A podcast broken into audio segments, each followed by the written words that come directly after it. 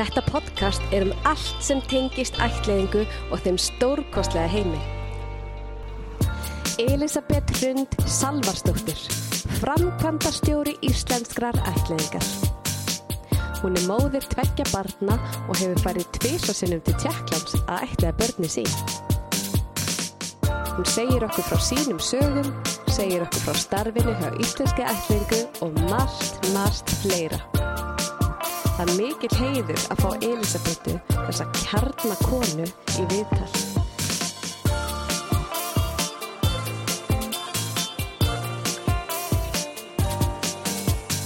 Takk fyrir að koma til mínu spjall. Takk kærlega fyrir þetta bara flotta framtaka að fara að stað með svona hlaðvarp. Já, mín er ánægjan. Það er bræðislega. Það er alveg mjög skemmtilegt. Þetta er eitthvað sem við höfum hugsað hjá félaginu en fannst kannski ekki endilega félaginu eftir að gera þannig að mjög gaman að sjá að það er dugleg móðir sem að tekur þetta að sér. Já, takk fyrir. Við hefum greinlega fengið hugbóð. Já, það er greinlega. Já, sendt á milli. Já, þetta er alveg búið að brenna í mér svo ógislega lengi að mér hefur langað að, að svona væri til og þá bara bjóð maður þetta bara til sjálfur.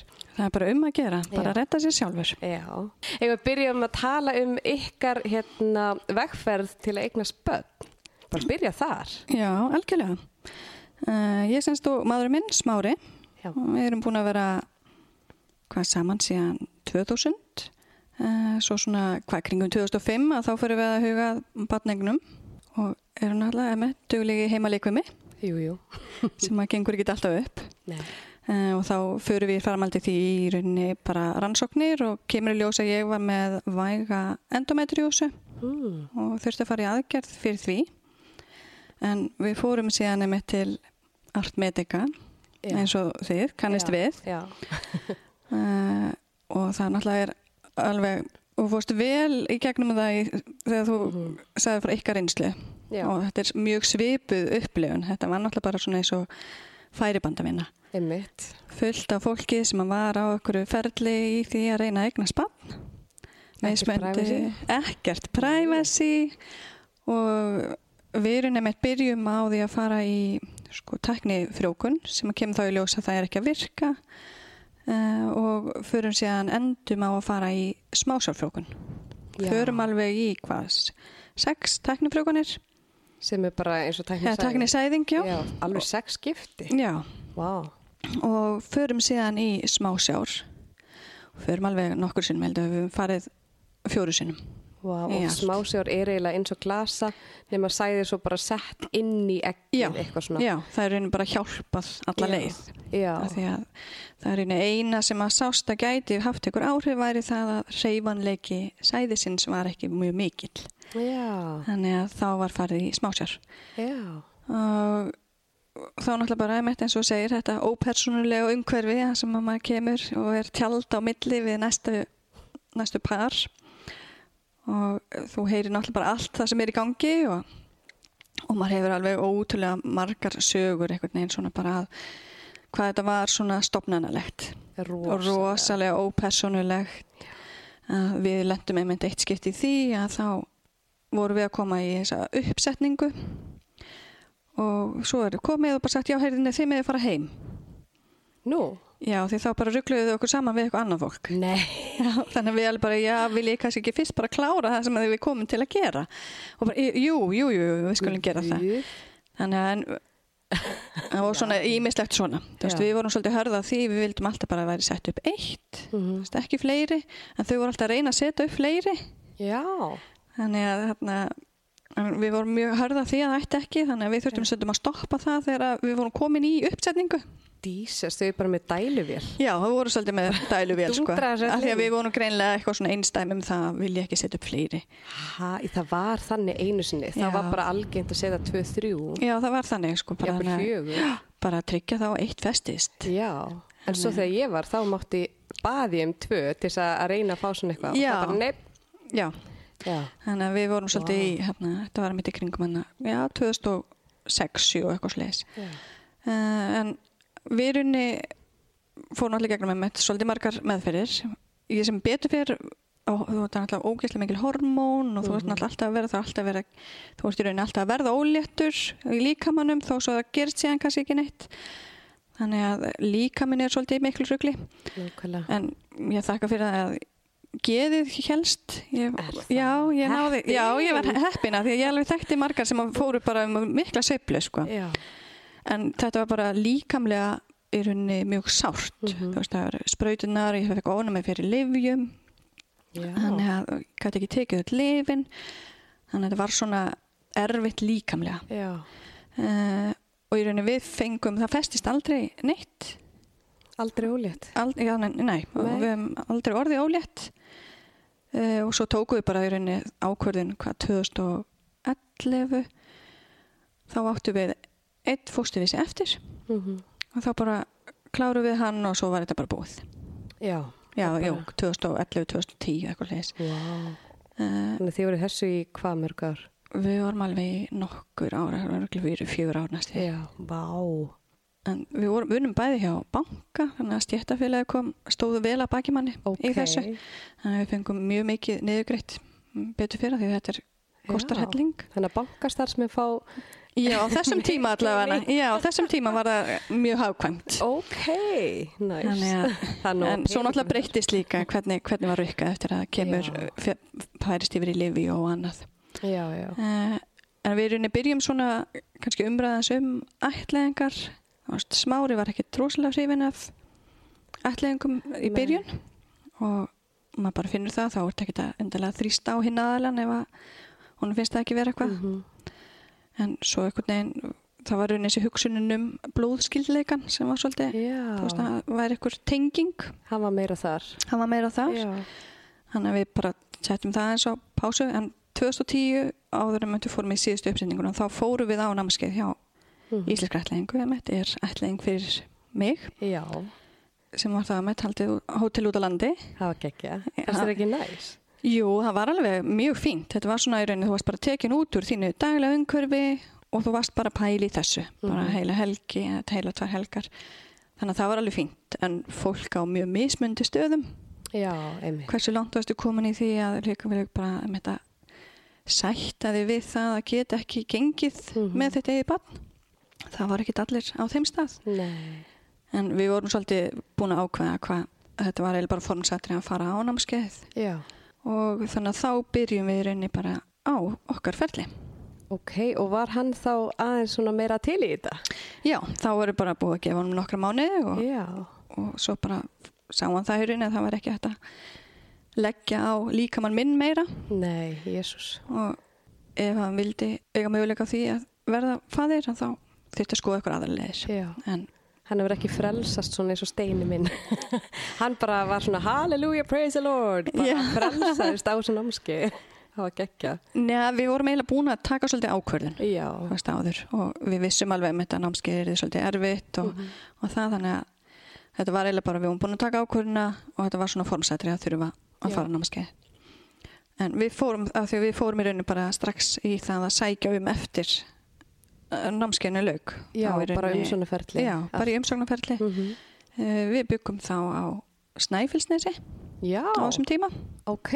rákum hótel þar. Nei, hvað hótel? hótel Hellisandur Ok, það vorum við það í rúm tvö ár. Vá. það var mjög skemmtileg Já, mikil vinna en skemmtileg reyndla já, uh, og það er með þá fóru við í í gegnum og þá er með forssamþyggi gefið út af síslumannum í Búðardal. Já, sem bara rétt hjá, já, já, þannig sé út á landi. út á landi.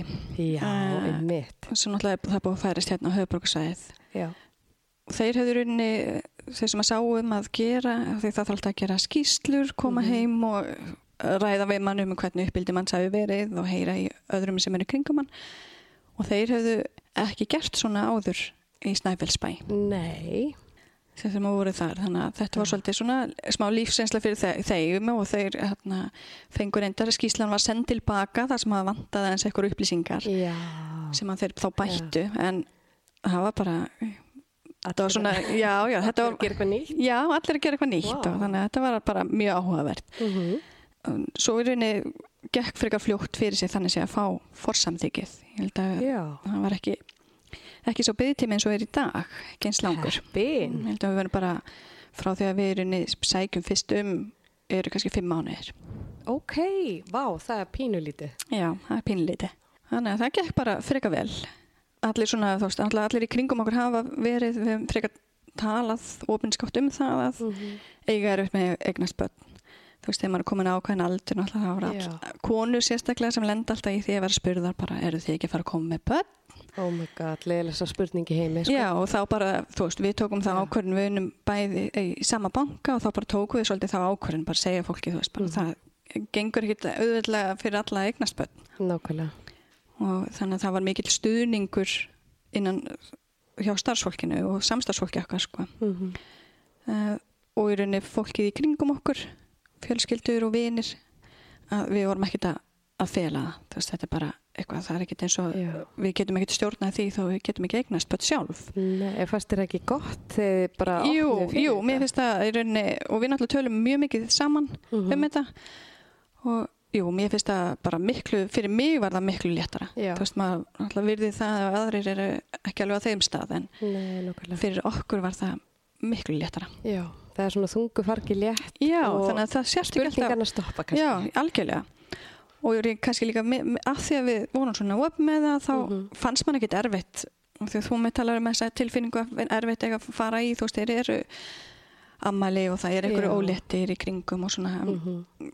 við upplifum það ekki maður bara hugsa, Nei. ok, þetta er bara þú veist, þetta er bara flott að aðrir geti þetta þó við getum það ekki Já, einmitt. Ég, að þannig að- við vorum í svo miklu feluleik þegar við vorum í þessu. Það var ekki fyrir en við fórum á fund hjá ís íslenski ætlingu og svona að þá fórum við að opna fyrir já, Og þá bara fóru 500 kíló á bakinu, sko. já, það gerir það nefnilega Þannig að maður hefði eftir að hafa kannski hugur ekki svona eins fyrr, þá myndi mann kannski liðast betur í þessu.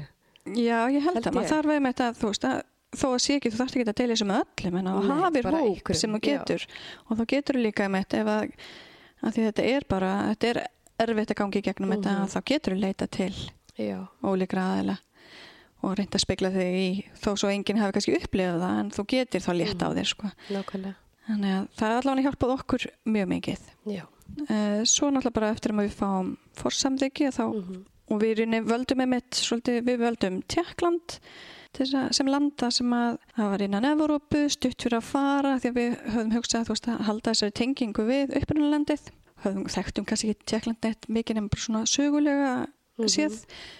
Við ætlum að sjáum ekki eftir því núna í dag. Nei, voru margir að því að þið ætlituð byrju hvenar Sko, við rauninni var förum að 2000 stað eh, 2010 og þá er svona ekkit langt síðan að Tjekkland í rauninni hefur komið samstarf á við Tjekkland Nei, einmitt. það kemur hvað 2006 það höfðu ekkert vola mörg börn komið áður sko Nei, en nákvæmlega. við erum bara þú veist, 2011 þá erum við búin að senda gögn til Tjekkland svo komin á bygglista þá þar svo bara tekum við með þessi byðin við vorum þá ennþá út á landi þannig að svo komist við inn í um árið setna eitthvað Tjekklandshópin sem er Já, mjög gott já, á Facebook og höfum eh, náttúrulega reynum að hittast reglulega og vorum svona kannski duglerið fyrir COVID einmitt.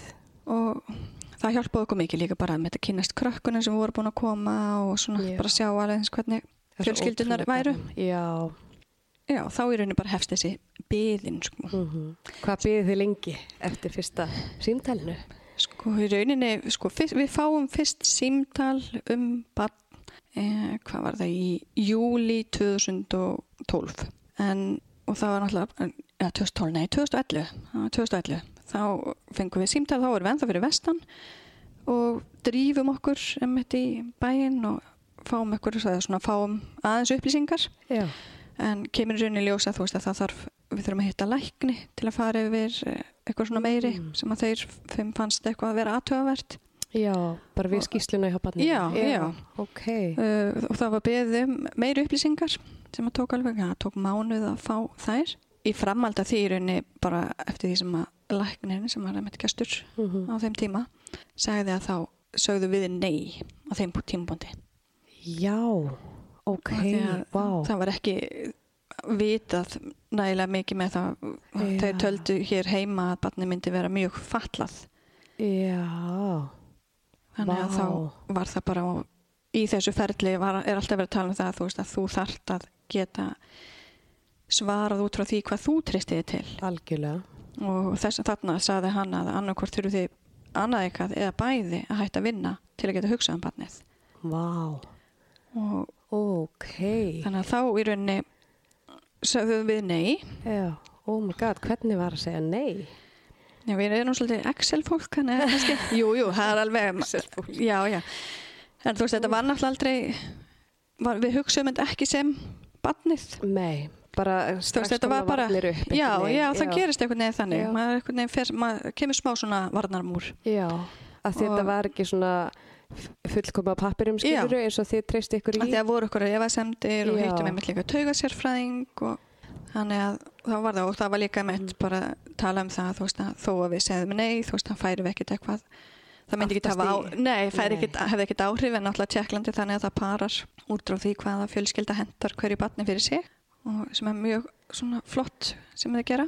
Þannig að þá í rauninni þurftum við bara að býða aftur og fórum við bara aftur í, í byðina og þá svona fannst okkur, þá vorum við svona að fara að koma til Reykjavíkur aftur og þá fannst okkur svona eins og við þurftum að hérna, eða langaði að gera eitthvað meira fyrir félagið, veist, bara fyrir málaflokkin. já, þannig að áður en þið eignist batn. Já, já, í rauninni Já. áður en eignast bat. Þannig að við fórum bara í samráði við Kristinn sem var framkvæmdastjóri Mhm. félagsins á þessum tíma. Bara heyrðum í honum, þú veist bara hvað hann segði mögulegt fyrir okkur að gera og þá hefðu á einhvern tímpúndi verið svona hópur fyrir þá sem voru á bygglista.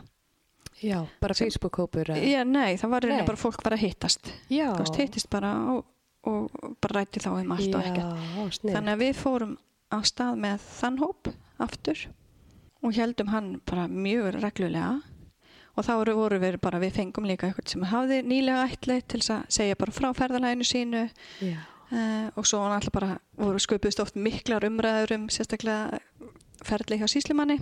já, það er alveg efni heila það. Já, ég held það, það væri líka áhugavert um þetta bara að fá fulltrúa frá síslimanni til að, veist bara hvernig hugsun það er hjá væri þeim. hitamál, sko. Já, það er alveg og líka bara held ég gott fyrir þau að Já. geta sagt bara eftir hverju þau eru að vinna Herru, það er rosa góð hugmynd. mm Vá. Þannig að já, við fórum þá að stað með það og það var hérna, já, líklegast 2011 sem við byrjum að því og höfum þetta svona tvekja mánu frestið eitthvað leis hittumst það bara, fengum aðstöðu upp á skrifstofu hjá Íslenska ætliðingu og vorum þá að hittast, þetta var yfirleitt svona sama fólki sem að hittist en vorum alveg um kannski 12, 12 manns. Ok, allir á bygglista. allir á bygglista, bara öllum löndum. Já, bara, löndum, ekki bara Tjekklandi. Nei, ekki bara Tjekklandi heldur bara af því að það bara að vera svona aðeins að ræðu með mitt ferli hvað fólk væri búið að gangi í gegnum og geta Einmitt. bara sagt hlutina þess að þurfa eitthvað að vera að fela það. Já, og það var svolítið þannig. Ótrúlega dýrmætt að tengjast fólki svona. algjörlega.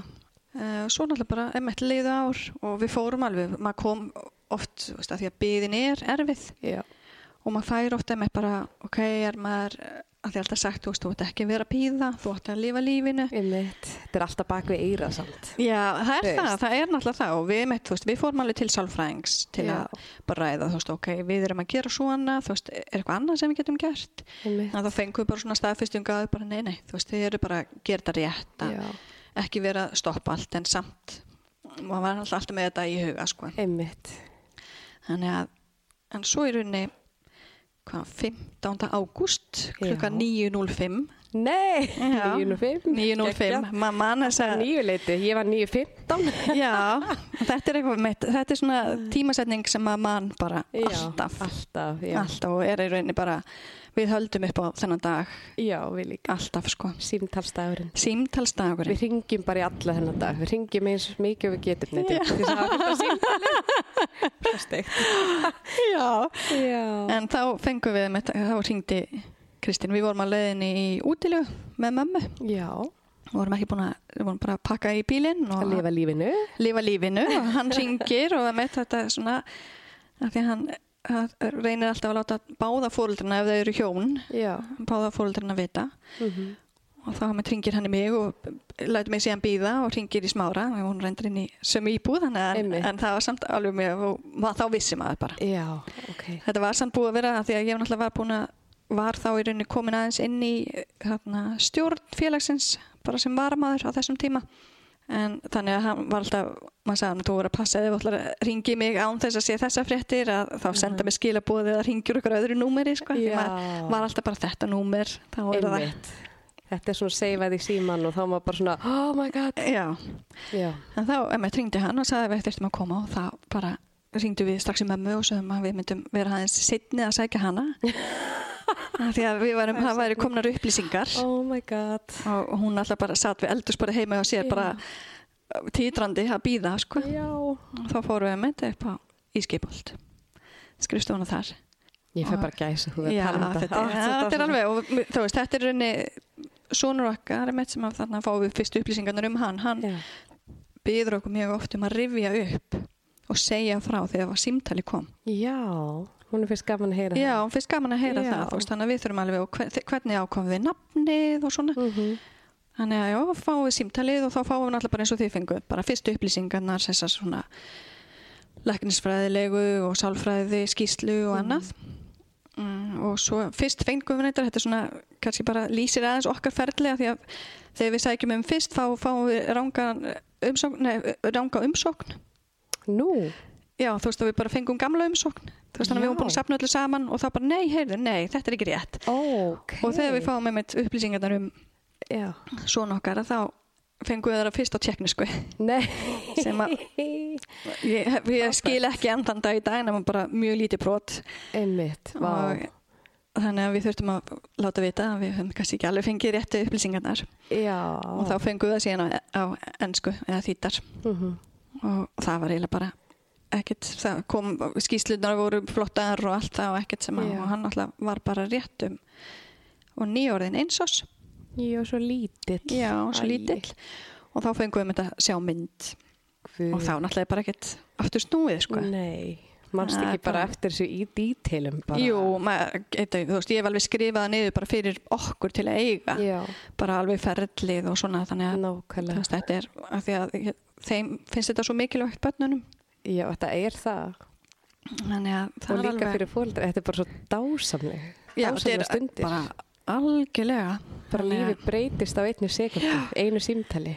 það gerir þannig blá En hvernig þegar þú fæst myndina, hvernig leið þér, mannstu það? já, bara, þú veist, fallegasta bat sem við höfum nokkuð til að Já, séð, sko það er bara Jesús. algjörlega þannig og það var bara ekki spurning að þetta var batnið okkar Vá, ég fæ gæsa. já, veist, þannig að upplifun er ótrúlega sterk Já. Ótrúlega hvað gerist inn í manni. Já, það gerist það. það er bara, þetta er bara, þetta er barnið. Já. Þannig Vá. að- Og við fórum með mitt í, fórum nú í útileguna. Ok, Þó að, já, við gerðum það. Við ringdum í mitt, maður náttúrulega ringdi í alla Já. til að láta vita mitt. Sem að þurftu, voru búin að fylgjast með manni hana, og þeir páru síðan áfram bóðskapin. Allir náttúrulega bara, búið að býða eftir þessu. Þannig að gleðin var ótrúleg. Og bara ótrúlega mikilvægt að þetta geta Mhm. deilt með fólki. Já, þetta er bestu fréttir. Já, þannig að við fórum með mitt í útilegu með mömmu og hundinn. Var þetta ekki bara besta útilega í heimi? Jú, þetta var og maður mann ótrúlegustu, þú veist, það er svona, við fórum með mitt, af því að við vorum á hérna, Snæfellsnesi, unnum þar, Mhm. að þá höldum við svona smá tengingu við Snæfellsnes og förum alltaf einu svona ári reynum það í svona ferðalag eða útilegu eða með sumabústa eða eitthvað svona. Og þarna vorum við með að fara í eina svo leis Já. ferð. Þannig að við fórum Snæfellsnesið með hann Já, mynd af alltaf honum þannig að hann var alltaf, þannig að við tókum mynd af okkur með myndin af honum Já. í ferðalæðinu Ó, svo dásalegt. og svo vorum við með þetta er maður að ræða, þú veist eins og með nafn og annað og maður, Mhm. mm bara, og maður fer bara þú ferð á svo mikið flug Já. þú ert bara farin að plana svo ótrúlega mikið. Þú vitir ekki eins og hvernig þú mynd fá að sjá batnið Nei. það er bara ekkert. En hérna, þannig að þú ferð á rosalegt flug. Og við vorum alveg bara já veist, þetta var nafnið hans tekniska nafnið hans að Jan Bikar. Já. og við alveg vorum, ma maður var svona já hvað gæti það verið? Af því við vildum Mhm. halda hans nafni á einhvern hátt. Og endar með því að, að smári kemur þá til um þetta hvort við ættum að hann heiti Birkir Jan Já. og þetta er bara þú veist eftir að við erum bara búin að sjá myndina á hann maður alltaf bara já kannski bara hingurum eftir að við sjáum hittum bara finn, finnum já. hvernig, hvort að hann sé þá Birkir Já. en það varði einhvern veginn bara varð svo sterkt að hafa Birkir Jan af því að til þess að hafa Bikar Já, einmitt ég ætla að segja þetta er svolítið svona. Þannig Ótrúlega fallegt nafn. Já, þannig að það var eiginlega bara ákveð í þessari útilegu. Með, við, við vorum þá tvö og mamma og hundurinn. Sem að fyrir allt með, fór allt með okkur. Og náttúrulega einmitt þegar maður er glýmir við ófróðsemur og margir sem að segja fáðu bara hund. Já, ég við gerðum mér, það. Maður fær sér dýr, ég fekk mér tvo ketti. já, já, Svo varum við svo mikið ofnami að það er hennu saga, ég ætla að láta það frá mér. En maður fær ekki ofnami fyrir börnunum sínum. nei. En við vorum með hund sko, ég er við erum með fyrir hundum en ég tók bara ónumislif Já, já, já, maður gerir maður fórna sér nú alveg. Ég og það var náttúrulega bara eins og að myndum af honum að það er bara eins og hann hafi verið batn það er gaman, þú veist, ef að hann er farin að geta hort tilbaka og sé það. en þá er rauninni bara og svo þarf maður bara að býða eftir að fá upplýsingar hvena maður getur farið út. og við vorum þannig sig með ekkert langt síðan við höfum flutt í íbúðuna sem við vorum í. Þannig við vorum kannski ekkert búin að full klára allt. Mhm. þannig að hafa bara farið á fullt að klára Gera allt tilbúið. já, Já. og setja gólista og gera allt sjæna og bara redda sér með fyrir barni, sko. Já, í rauninni, sko. Retta sér, retta rúmi, rimlarúmi og, og þá náttúrulega bara með, þú veist, frænka minn átti rimlarúm og það var allir bara, Allir til í að hjálpa. allir til í að hjálpa. Það er náttúrulega bara algjörlega ómeitanlegt. það er það. Og kannski að því að við náttúrulega vorum fyrir ofinská með þetta, þannig að Mhm. fólk var alveg bara, það var grátið á mörgum heimilum. Ó, Það var- já. En Svo fáum við þeim eitt upplýsingar um hvernig við meðum fara út og gerum og það var með þessi nullfundur í Mhm. Brno og við gistum á hóteli sem er bara beint á móti skrifstofunni hjá Já, Umpod sem eru já. ætlengar í völdin. Mhm. Við vissum, við vildum með vita, maður, eins og þú talar um, maður Mhm. vill vera mættur, vita hvað leið þú átt að fara Einmitt. og svona. Sem þannig að- ekki viltur. Já, þannig að þetta var mjög þægilegt. Þá Já. með hittum við lögfræðing sem er var nýtekin við þá og er ennþá í rauninni sem að sér um Ísland Lúcia? fyrir hann. Jú, það er. Lúcia, hún var þá nýtekin við Mhm. af vannari og sálfræðingur sem var þá með málið hans. Já. Og það er náttúrulega bara þá farið yfir svona bara þessi grunnu upplýsingar og sálfræðingur reynir kannski að koma einhverju meiri upplýsingar Mhm. heldur en hafi komið fram í skýslunum uh, og maður var alveg á fullu að skrifa niður en við vorum með höfum fengið ráðgjöfum það að taka upp og við gerðum það, vorum með upptöku líka það hefði verið snið. Já, það er að því að maður er bara Maður er ekki með heila, sko. nei, þú veist, við erum frekar svona eins og ég segi, Excel fólk Já. en það var alveg samt sumt sem maður bara ah, hvernig, hvað sá hún aftur með Já, þetta? maður, gle- eh, maður fær svona heila þóku. já, já, já, það gerir það alveg sko. Vá. Þannig að, og svo náttúrulega bara deginum eftir að þá fórum við í bæinn þar sem að hann var á barnaheimili Og hvar var það? það var Kólín heitir það svona Já. rétt fyrir utan Prag Já, ok. bara 30 myndur veit ég hvort það kallast austur af Prag Já. bara frekar lítill bær hann var á barnaheimili þar hann fættist í bæ, aðeins öðrum bæ sem var bara rétt hjá Já. en þetta var lítið barnaheimili það voru bara hvað, 40 krakkar mismöndi aldrei sumi náttúrulega sem myndu aldrei fa vera, fara annað heldur en að vera þarna en hérna hann náttúrulega svo lítill. Já. þá var fengum með þetta að vita það deginum áður og þá hafði hann verið lasin þannig að hann var ekki vita hvort við myndum hitt hann strax Ó. eða ekki. En við bara já já ekkert mál þið bara ráðið. Mm þið bara stjórnið þessu. Við bara já það var samt alveg við vorum bara að þetta er svo órumverulegt í rauninni þanga til að þú sér barnið. Reyndar, já. þannig að maður er bara, já, já, ekkert mál. Þið bara stjórnið. Það var alltaf bara að vera að byggast afsökun og afsökun og maður bara, nei, nei, nei, þetta er allt í leið Ekkert mál. ekkert mál, er. Nei, já, ekkert mál. Nei, nei, þetta við getum alveg byggðið og svo komum við og hittum þá mitt læknir sem er fórstöðum fyrir heimilið félagsákjafi og hún alltaf Marta, túlkurinn sem er búin að fylgja Mhm. ansi mörgum fjölskyldum Já. hún var á svæðinu og hún er inni, við sitjum aðna bara og erum bara að ræða við félagsákjafan og fórstöðukunan hún fer og svo segir við mitt hún Marta tólku bara hann er kominn, hann my er God. kominn þá Já. hafði hún farið og sótt hann þó að við heldum kannski að við værim ekkert að fara að hitta hann Ok. þannig að þá hún bara rétti mér síman rétti mér síman Já, til að til að taka, já, til að taka mynd Já. þannig að hún náði mynd þar sem hann með stendur í fanginu fórstöðukunni, eða er í Mhm. fanginu á henni og með hárbusta Já. og öryggið með hárbusta Já. alveg bara maður sá greinilega að hann var lasin, hann var með auksíkingu Æ, elsku barni. í, hafði samt verið klættur í fínustu fötin sem voru á barnaheimilinu Hversu dásamleg. þannig að þá erum þetta þá mynd af okkur að horfa á hann í fangi vá. þannig að þetta er alveg ómetanlegt að, að vega þetta. þetta það var alveg bara þá var þetta raunverulegt Já, þetta er svo skrítið. Já, Manstu- það er það. manstu, þetta er svo skrítin tilfinning. já, er það, hún er bara eitthvað neginn Það er svo allt standi bara í stað. já, eiginlega og maður sér það bara eins og myndum og svona þú veist það er bara að því þarna hittir maður hann fyrir hátegi svo Mhm. náttúrulega þarf hann að fara að, að fá Hvíla að borða og svona. kvíla sig Mhm. og svo komum við aftur eftir hátegi og maður sér það á myndum bara breytingarnar á barninu Já, veist, bara líka klukkutíma. Já, já, í rauninni, veist, Mhm. bara fyrir hátegi þá sat hann alltaf bara stjarfur, sko. Og það var alveg bara með ráðum gert að veist, hann var ekki í fangin á pappa sínum, af því að eins og er nótt á barnaheimilum að það Já. var ekki mikið um kallmenn nei. sem að, er að vinna. Uh, þannig að hann í rauninni færðist, hann satt fyrst hjá fórstuðukonni, svo Mhm. færðist hann yfir á nýja hjá mér Já. og þú veist, þannig að þetta var svona jæmt og þétt, en svo eftir hátegi, að því að kannski líka því að hann var lasin, Mhm. að þá þurfti hann knús og kúr Já. og, og það eru bara ómetanlega myndir sem maður á Mhm. á þessum stundum þannig að og þetta var hvað á þriðju degi sem við hittum hann fyrst yfirleitt á þessum tíma var þannig að þá sérstaklega þau voru svona lítil að þá fekk fólk við bara frekar snemma.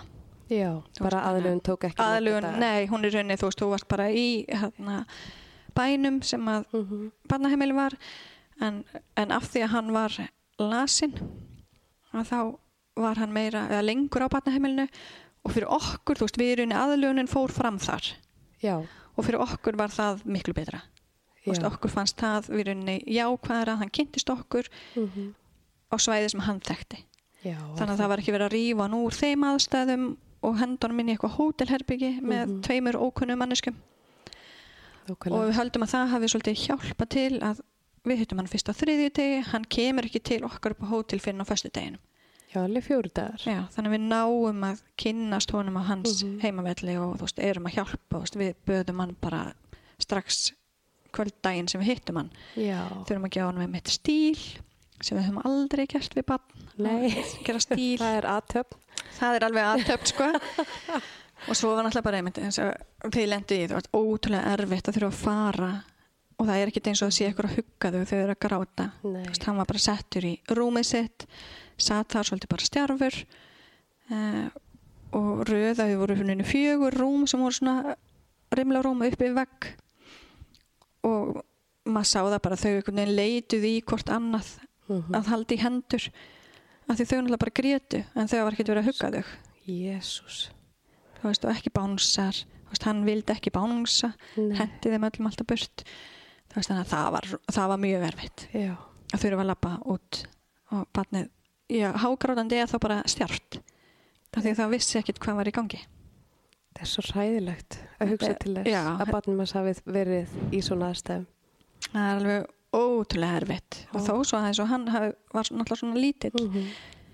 en það var alltaf, það var alltaf verið að passa það að þau væri ekki að tengjast einhverju starfsfólki Það var að passa að þau varu ekki að tengjast. Já, í rauninni það var verið að færa sem starfsfólk á milli deilda og svona, þannig að það væri ekki Nei. myndast of mikil tenging af því það er þá erfiðara. En svo náttúrulega þetta búið að breytast. Já. Þú veist, þannig að þetta var svona einhver hugsun sem var. Uh, en við kynntumst einni sem að hann tala ekki margir ensku. Mm hún talaði fín ensku svo sem var félagsákjæðan og fórstöðukonan og svo talaði svo sem að greinlega var svona, já, hann var í uppaldi hjá hún talaði þýsku. Já. Þannig við náðum aðeins að kannski tala við hana og þá var hún einmitt náð að segja okkur bara hvað honum fannst skemmtilegt þá var hann svona lítill þá fannst honum Mhm. gaman að dansa þú veist, var mikið fyrir tónlist Já. og svona, þú veist, þannig að þetta var, en þetta var alveg mjög erfitt að Mhm. yfirgefa hann fyrsta fyrsta daginn, sko Já. það var bara, Það. bara s- bað hann setja stíl, náttvöld og upp í rúm og, Og bara bæ. bless að þið tilfinningi þeirra eru bara mun þessi manneski að koma aftur. já, já, bara þessum tímpúndi er bara, bara Já. hvaða manneski er þetta Já, nákvæmlega í fyrsta lagi. hvað er eiginlega í gangi Af við það er eigum svo með mikla aðtikli frá því? já, við eigum með mitt, þú veist, það er náðum augnablikinu þegar var ég baða henni fyrsta skipti, veist, þannig að Ok. það var ótrúlega við erum með, með þá mynd uppi því það er svona, þá náðum eitthvað svona það er svona augn tengsl það er ótrúlega, Já, á milli ykkar. já, flott Vá. mynd uh, og svo náttúrulega bara helt um þetta aðlunum við komum og hann var alltaf með hita og hann var mjög vanur því að það væri að taka blóð þannig að hann hefur ekki haft mikið erfitt með að fara til læknis og fá sprautur Vá. þegar fyrst eftir að koma til Íslands var hann alltaf bara já, hvað hva ætlar ekki að sprauta mig eða taka blóð Já. en það er kannski að því að þetta er náttúrulega er mikið hugsað um líkamleg Mm að reyna að passa upp á það en kannski ekki eins mikið að andlegu liðina Nei. En svo er henni kemur dagurinn sem hann kemur þá til okkar og þá var hann með þetta að hann jú, hann hafði samt, þú veist, það var samt búið að gera þú veist, hann hafði farið í sund þegar hann hafði farið í svona eins og hústýragarð Já.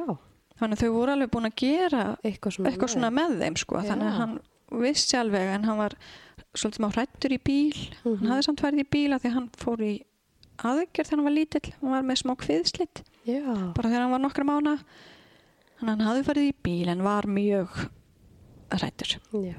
þess þessar miklu breytingar og þannig að svo náttúrulega bara er maður en með þessum tíma þurftum við bara að vera í tvær vikur Úti. úti Það er svakalega lítið. það er alveg þannig að við vorum í tvær vikur Og bara komin heim þá, eftir tvær. Já, við erum bara um leið og við gátum farið heim og þá fórum við heim. Þannig að þið voru í rauninni bara viku eftir að þið fengu hann svona Já, þannig, er rétt já, um já, í rauninni. Þess að þetta var bara mjög Vá. stuttu tími, sko. Og sem var kannski ágæta því að um, maturinn er nú ekki kannski sérlega hrópa húra yfir þarna Nei. og smári er með, með svona uh, ristilsjúkdóm og þá kannski hann gæti ekki borða hvað sem var Nei. þannig að hann lifið svolítið mikið með þetta á hrísgrónum og eitthvað svona og léttist á Já. mataræðinu en, en þú veist, maður var náttúrulega veist, og reyndi að skoða og taka myndir til að eiga minningar um staðinn og við tókum með steina bæði fyrir okkur og svo fór, var á þessum tíma alltaf að fara með steinir og íslenska Já. ætlaðingu Er það ekki ennþá þannig? Jú, við allan að hvetjum til þess þannig að maður var nú ekkert alltaf því, kannski en Nei, kannski ekki. Þá tegum við bara eitthvað stein. Já, já, emitt, algjörlega og, og svo náttúrulega bara millilendu við í Kaupanöfn og kannski lýsir aðeins að, að, að það var smári sem að bókaði mitt hótel í Kaupanöfn og hann var svo spenntur yfir að bóka mitt almennlegt hótel en glemdi samt ekki ráð fyrir því að barnið þurfti að fara í bað þannig að Já. það var ekki bað, bara styrta og hann var hann baðaður í vaskinum Nei. svona bachelor pad. Nei, já, já, það var eiginlega svolítið þannig. Er að ekki hann árið svona í fjölskyldi hugsun. Nei, sko. lýsir sér kannski það. Þú veist ekki, hann var ekki alveg, alveg komið þangað sko. Nei, það tekur tíma. já, já, en þá náttúrulega bara maður er bara að kynnast þeim með barninu að, bara, af hverju grætur hann núna? Hvað er? En við kannski af því að hann var náttúrulega svo lítill þannig að hann var miklu háðari manni. Þú veist, hann var ekki farin að lappa Nei, hann var ekki byrjað að nei, hann var ekki byrjað að lappa var náttúrulega bara á amali í júli þannig að hann var náttúrulega bara nýju orðin eins ás Já. ekki farin að lappa og hann að þurfti að vera í fanginu á manni Og Sem það kannski svona- geggja fyrir tengsli. já, fyrir tengslinn var Mhm. það bara algjörlega ómetanlegt og Og þið náðu fyrstu skrefunum sem er bara fyrir eitthvað sjálfgeð. Já, ég náði, ég náði þeim, smári var eitthvað á rjúpu en ég náði þeim Já, já. Og hann Birkir minnir pappa sinn stundum á það bara, já þú sást ekki fyrstu skrefinu mín. En við erum mynda á honum þannig að það er, en já, það er svolítið mikilvægt. Að maður á svona ákveðna punta, þú veist, Já. maður á í sambandi með tennur og svo náttúrulega ef hann er rosalega hárbrúður og fannst þannig ekkert gaman að fara í klippingu þannig að amman, mamma mín fekk smá svona hlutverka með þetta reyna að klippa hann smá svona þannig að hann kom með topp sem hann var niður fyrir augulíku en hann hafði samt farið í klippingu Já. á barnaheimilinu nokkur sinnum þó hann væri bara svona lítill af því hann var bara með mikið hár Vá. strax.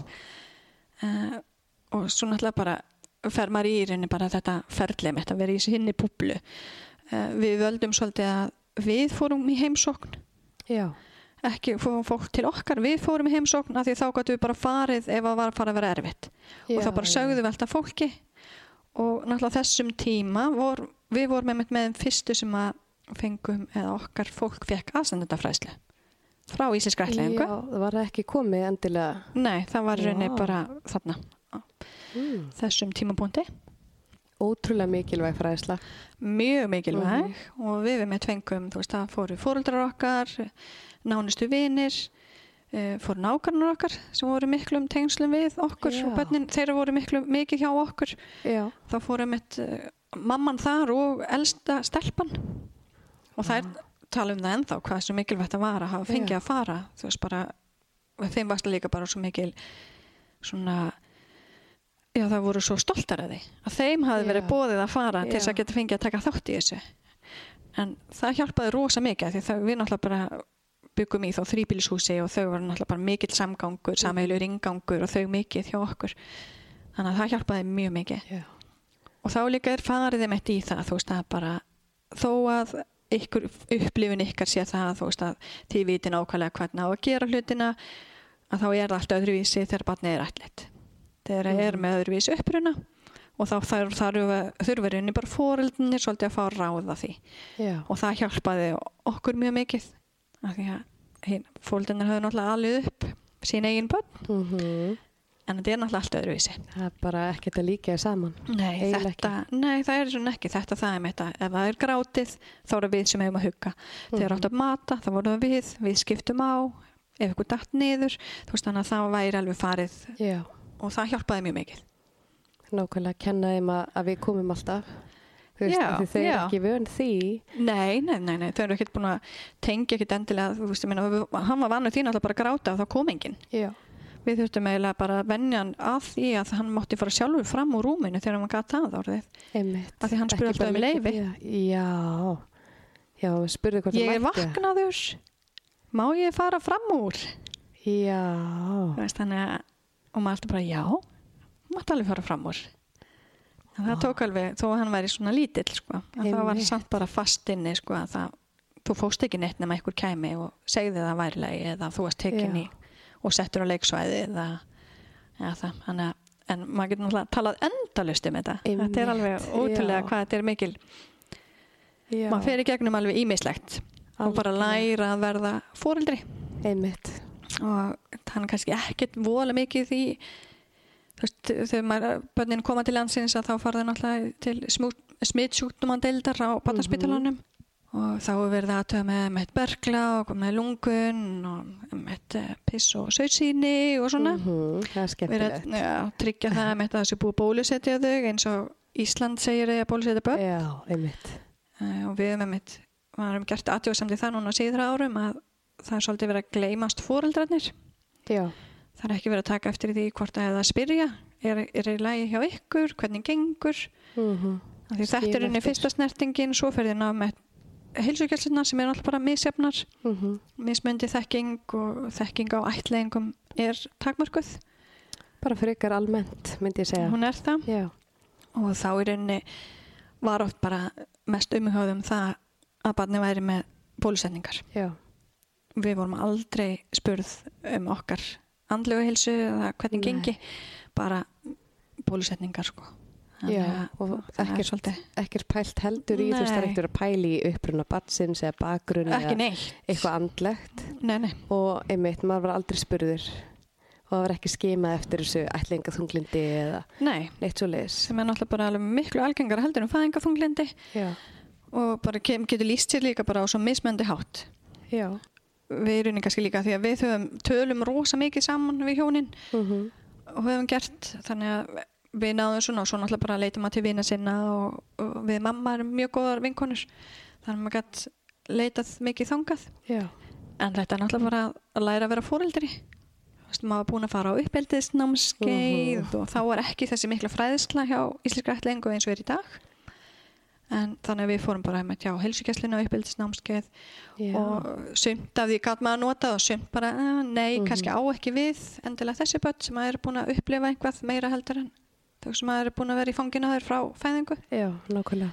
en já, svo náttúrulega bara líða áreininrinni hann bara vex og dafnar vel og fyrir á leikskóla hann var, vorum alveg heima hvað þá var til að maður tveggjara Já, bara heilt ári í orlofi. Já, við erum Já. skiptum hjónin og vorum síðan hérna, ég kláraði var alveg fullt orlof hjá mér og svo unnum við 50-50% Já, og skiptum bara dögunum upp já, sniðt. og svo því að hann alltaf bara komst ekkit að að við það var fínt að hafa hann heima svona lengi en Mhm. líka hann komst ekkit að í leikskóla fyrir en Nei. tvekja ára Já, en það var í, já, í seft, á, ágúst að þá byrjar hann á leikskóla á Hofi sem að gekk mjög vel og bara indislegt starfsfólk þar.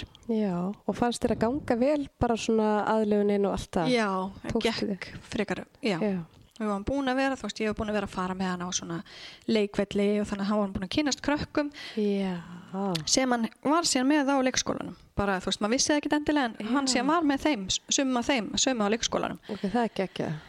og náttúrulega byggum bara rétt hjá leikskólanum þannig að við máttum koma í Mhm. heimsókn og skoða þá hann var ekki komin inn Já, það tekið vel á móti. já, mjög vel á móti og aðlögunin gekk frekar vel sko og hann var eiginlega bara já, byrjaði bara svona strax fulla leikskóla göngu Já. þannig séð og var, ekki, var ekkit neitt svona ekkit bakslag já, en náttúrulega, hann náttúrulega bara var búin að vera heima hjá okkur svo lengi, þú veist, hann vissi bara var örugur í því, örugur í heim, heima og þannig að það gekk bara mjög vel.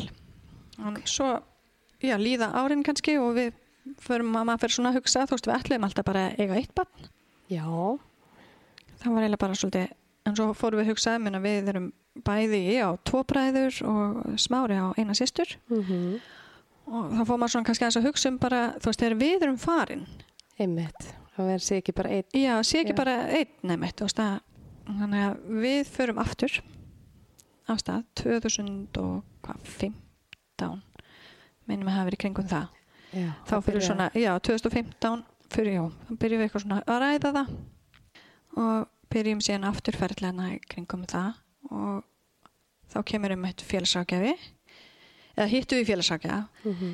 hjá Reykjavíkuborg sem að að vatna vernd sem að tekur þá, taka þá út emitt af því að við áum fluttið til Reykjavíkur taka þá út heimilið og tala við okkur en þarna á þeim tímbúndi þá er raunin bara áttu við að fara að kenna henni um ætlaðingar við, já, við áttum að fara að fræða hana um ætlaðingar Félagsakja.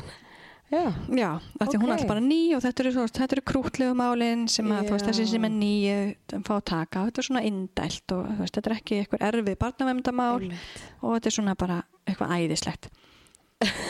Já, ok. ég, ég var ekki sammála því að ég ætti að Nei. fara, þannig að ég hafði samband við Kristinn, þá framkvæmdastjóra hjá Ílskrætlegingu og hann hafði samband við barnavemd og var með fræðslu í rauninni á Já, bara hvað er ætlaðing já, og frá því hefur verið bjóðum við alltaf upp á, býður félagið upp á fræðslu til þeirra félag, félagsrákjaða sem að er að taka út heimili eða gera þessar heimaskíslur að þá bjóðum við upp á það. Já. og við búið að gera með líka svona, svona, svona greinargerð til að hvaða atrið þurfa að koma fram og hvað þarf að spyrja. Af því að við, er, við erum, getum ekki ætlast í þess að þeir fóreldrar sem eru í þessu ferli að þeir eiga ekki að hugsa um þetta. Þetta er Nei, eitthvað sem á að vera að hugsa um annars staðar. sko. Þannig að Vá. það er svona stundum sem að maður hefur bent á eitthvað þá hefur verið það oft, hefur var alltaf tekið mjög vel í það ef maður kom með eitthvað Mhm. ábendingar þannig að þá fekk hún fræðslu og þá kom hún síðan aftur heim til okkar og það skipti útrúlega miklu máli og þessi fræðsla sem hún hafði þá fengið bara því hvað er ætling Einmitt. Og hvað þið þarf að hafa í þessum skýslum og hvað er svona mikilvægt ótrúlega eitthvað stutt síðan. Já, þetta er það, það er það Vá, það er ótrúlega margt búið að gerast á stuttum tíma heldur betur. en hún svona, við vorum ekkert náttúrulega búin að segja Birki, bara lítill þannig Mhm. séð og um að hann við verðum að fara aftur í staðin um að hún missir einhvern veginn út úr sér að fyrir að spyrja hann þú veist þannig að þá var hann bara, já, ok Nei.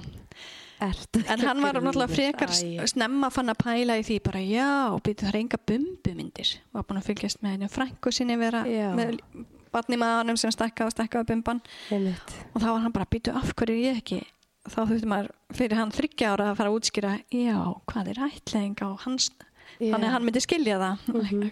einfaldan hátt og, en svo náttúrulega bara fyrir við ferli hérna heima og þá er síslumar hér á höfuböksæðinu sem að er fann að gefa út fórsamleiki og það tók aðeins lengri tíma Já, aðeins lengri heldur en í fyrraskipti. Aðeins lengra. Hann gefur sér svolítið tíma. Já, ég held að það tekið við með svona nýju mánu Ok, bara meðganga. Já, þetta verið meðganga. Og svo sendum við náttúrulega bara umsóknina þá aftur til Tjekklands til að halda þessari tengingu. Mm og svo bara er byðin aftur. Já. en hún er öðruvísi og kannski einfaldari þegar þú ert með bann Já, til að hugsa um. Nákvæmlega. og maður hefur öðruvísi skilning. Mm algjörlega. Ég held að sé auðveldara í annars skipti, sko. Eða þú spiðin. Því að það er svo mikið þrá fyrir að eignast bann og núna áttu bann. Já, það er Þannig að- öðruvísi, það er Mhm. bara en svo, náttúrulega þú veist maður veltið fyrir sér bara já, ok, það þarf maður að býða lengi maður veit að þegar maður er með með bat fyrir að þá er lengri byð af því það er Já. alltaf verið að hugsa út frá því hvað er best fyrir ætlitabarnið uh, og fjölskyldin er valið með tilliti til þess Mm en svo í rauninni með hvað, 30. november 2018 að þá fáum við símtalum dóttur Oh my god. Hvað byggðið þá lengi?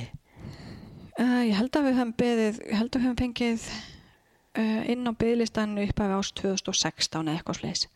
Þannig að þetta er ekkert eitthvað rosalegur, beðlistan þá út í Tjekklandi. Já, þannig að þetta voru tvö, þrjú ár. Já, eitthvað sliðis. Var bara svipað eins og með veist, Þannig að það er bara, Og símtali kom bara eins og þrjum ár heiskir lofti eða hvað? já, já, gerir það náttúrulega. Þú veist, þannig að þó svo að þarna á þessum tímapunkti þá var ég orðin formaður félagsins en þetta er Já. náttúrulega bara stjórn fara enga vittnesku um er eitthvað ekki- börn eða neitt svo les. Insider news. Nei, nei, nei, nei, þannig að það var bara hringt Vá. og einmitt aftur svona og ég var þá í vinninu og ég, maður, er eitthvað nefnir allt öðru í sig viðbrögð. Aha. Já, ég var bara, með, eða misti mig sko. Meira. Meira dramatísk. Já, ég var miklu dramatískari. Vá. Það var ótrúlega Ok. sérstakt sko. En- Birkir fór með okkur, ég sótti hann semst á bara í skólan, hann var þá í frístundinni Hvað var hann gamall? þá var hann orðin, hann var orðin sex ára. Já, Já, já, já í- sjö ára. Í öðru bekk. Já. Og hann kom með að Já. skoða skýsluna og allt Já, það. hann kom með, ég sótti hann og hann var ótrúlega svona dúllulegt augnableika þá kom ég og saði fyrst nú þurfum við að fara upp á skristu á Íslenska ætlaðingu og það komin upplýsingar um bann og hann Vá. bara, já, tekur vinn sinn besta út í hotn og segir ég er að vera stóri bróðir Oh my god. Hversu indislegt. þannig að það var ótrúlega ómetalegt sko. En á hvað dýrmætt fyrir hann að fá að upplifa þetta með þig. Já, við ákvaðum það því hann Vá. hafði alveg vittneskuna að að hann fengi hann hann væri ekki bara haldið fyrir utan uh, og svo náttúrulega fer maður bara upp á skrifstofu og og svona, einmitt, á leiðinni þá voru hérna, gæsir sem voru á gatnamótum Suðurlandsbrautar og Já. hérna, kringlumýrabrautar og við höfum að ringja lögregluna því að gæsirna voru bara á ljósuna þannig að var engin, komast enginn áfram sko. Það eru að taka sinn tíma. Já, já, þannig að veist það er svo skemmtilegt maður mann svona atriði sko og ég ætti að ringja í lögguna bara, heyrðu, það eru hérna gæsir, það þarf að fjalla Ég er að fara að segja bad, eða þú veist, fá upplýsingar, en það dringur. En svo hann að koma sér sjálfur en löggan kom sér hann, að þetta var svolítið fyndið hún getur alveg. Já, það er það Vá. og þá var náttúrulega með bara þetta sama með við setjum stanna þrjúin í herbyggi og fáum upplýsingar og mm, fyrsta sem að Birkir gerir í rauninni sko bara, já ok, heyra þetta er stelpa og þá eh, svona tekur hann gögnin og ítir svona yfir borðið til Kristins frangandastjóra Já. áttu upplýsingar um strák Nei.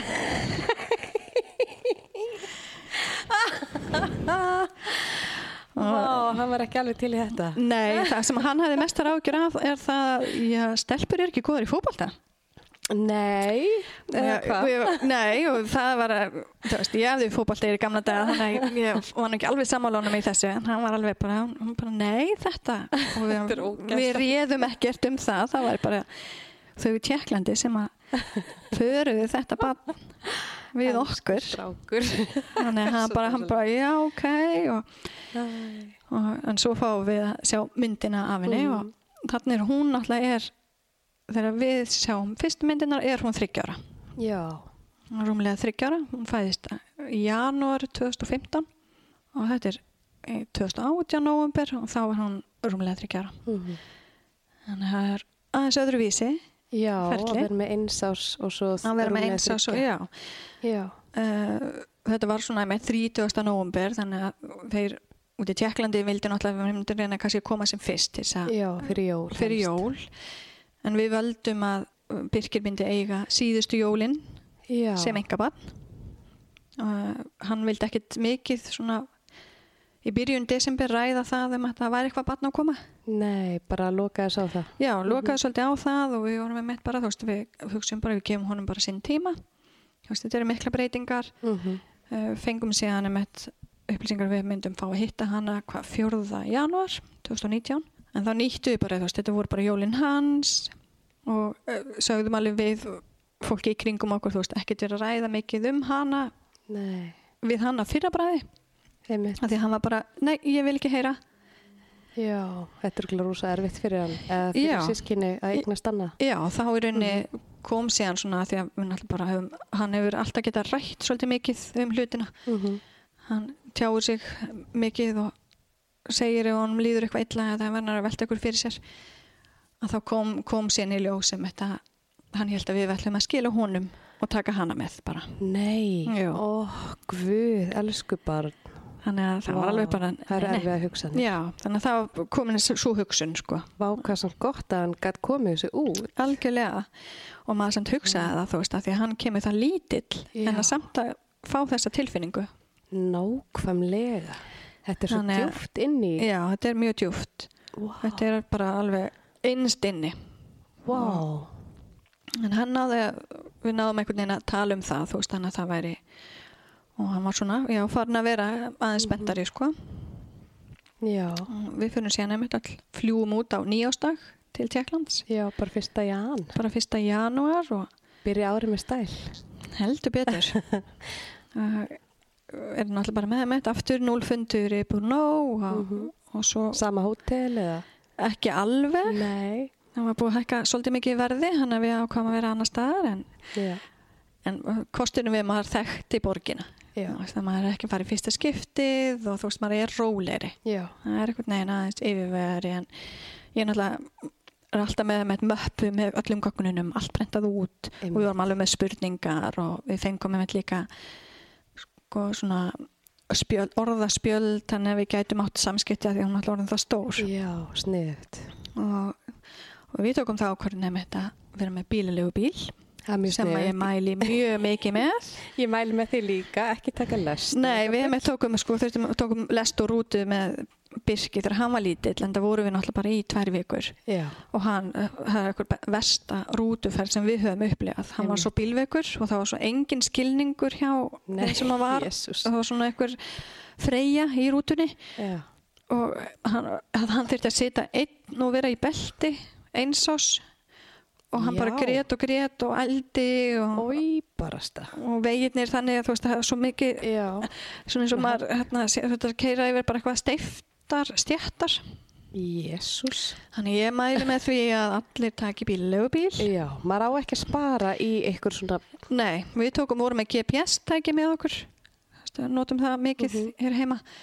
Tókum það með og höfum lánað þeim eitt öðrum sem hafa farið líka já, eftir þetta að því að þú ert bara svo miklu frjálsari.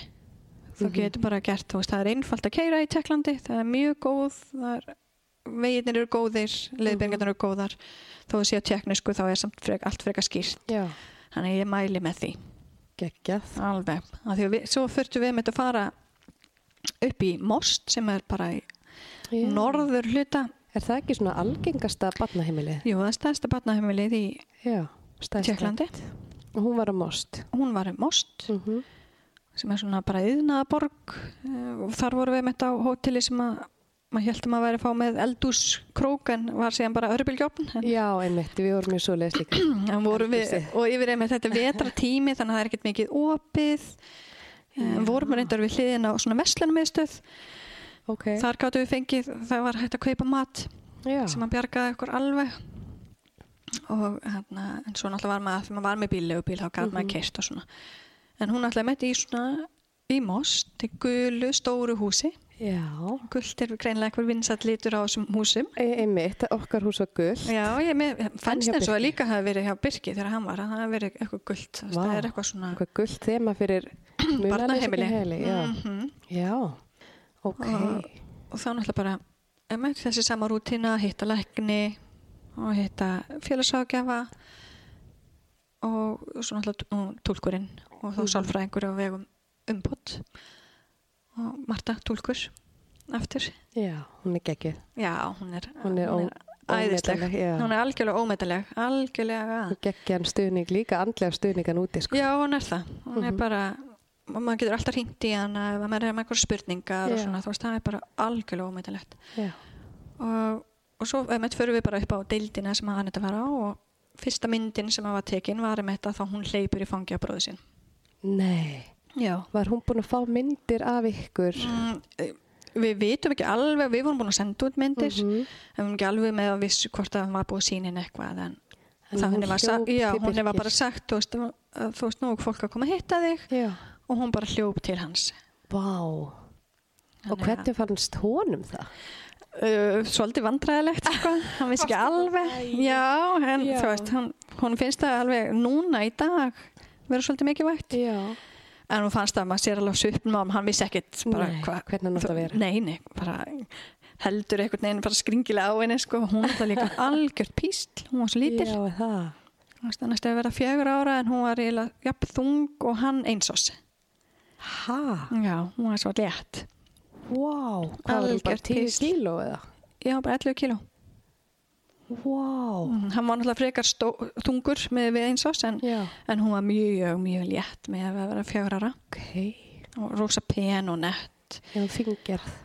rosa fingerð mm, og svo náttúrulega bara hefti með aftur aðlögun þarna og, Mm og hún svona einmitt, það sem alltaf svona var að ná en þau vita alveg besti vinur hennar, þess vegna kannski tengingin hennar við Birkir svona mikil er að hún hafði haft besta vin sem var ári eldri Já.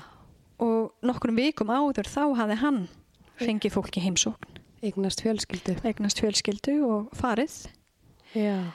og þá hafði hann hafði verið svona sá sem hafði passað hana var svona vermdarinn hennar og þeirra batna sem voru með þeim í herbyggi en hún þurfti síðan að taka við því hlutverki Vá. Þannig að hún vissi alveg Já. hvað var í gangi hún var bara alveg, saði við litlu hinn börnin bara því að hún er gott að hafa mörtu Mm af því að hún hlustar og heyrir og Já. he, hún sagði, hún sagði, hún hefði sagt bara við hinn börnin bara, nei, þau eru hérna fyrir mig Ég bara passa upp á. Já, bara passa upp á Þetta að það sé var engin annar eitthvað að flækjast hann inn í sko. og ef maður var að koma að fara að hilsa eitthvað með öðrum eða eitthvað, það var bara svona já, þú veist, ég Já. er hér sko Já, maður þarf alveg að passa það að helst ekki horfa hinn börnin Já, sem er ógst já. erfitt. Það er það, algjörlega Þeir sko. náttúrulega elska aðtiklina og bara sogast að mann. Já, maður bara þarf að hunsa þau svolítið. Já, þetta er alveg ótrúlega erfitt sko. Mhm. og Vá. kannski líka út af því að þá ákvaða þau að aðlugunin myndi svolítið vera stutt inn á barnaheimilinu og svona þarna í most er mjög fásinn talensku Já, þannig að við vorum bara með Google Translate og bendingar já. og þetta var á föstu degi sem við hittum hana fyrst uh, á laugadegi að þá í rauninni er hún kemur hún til okkar kemur upp á hótel, Mhm. fer síðan aftur gistir og svo sunnundunum er hann alveg komin Já, einmitt. og það var svolítið svona umskipti sko fyrir Svolítið hana mikið sjokk. en hún er bara er ótrúlegur karakter Já. þetta er náttúrulega rosalega misjæmt bara hvernig þessi börn í rauninni aðlagast og Mhm. hvernig já, þessu bara personabundi Já, hvernig þau díla við þetta og já, algjörlega. komast í gegnum þetta en það sem við teljum að hafi hjálpað mikið var það að, að Birkir var. Já. hún náði þessari tengingu við hann og hann gatt syngt henni og Mhm. hjálpaði henni. Eh, og hún átti frekar erfitt með eins og borða. Og Hvernig þá? Bara að því að... hamstraði svolítið. Setti kinnarnar og reyndi síðan að uh, spýta út úr sér. Mhm. kemur sín í ljós sem þetta kom heim að hún er með svo rosa stóra nefkirtil Já. sem hefur áhrif á þegar hún var að kingja Þannig að það var í rauninni eitthvað að sem já, þetta laga. já, hún var eitthvað að en, en nú veist hún hafði ekki mikið borðað ávesti eða grammiti Nei. Mm -mm. ætlaði sigur vatn og maukað og súpur þó hún væri honum þetta, þú veist, bara það sem er það sem er einfalt Og ódýrast.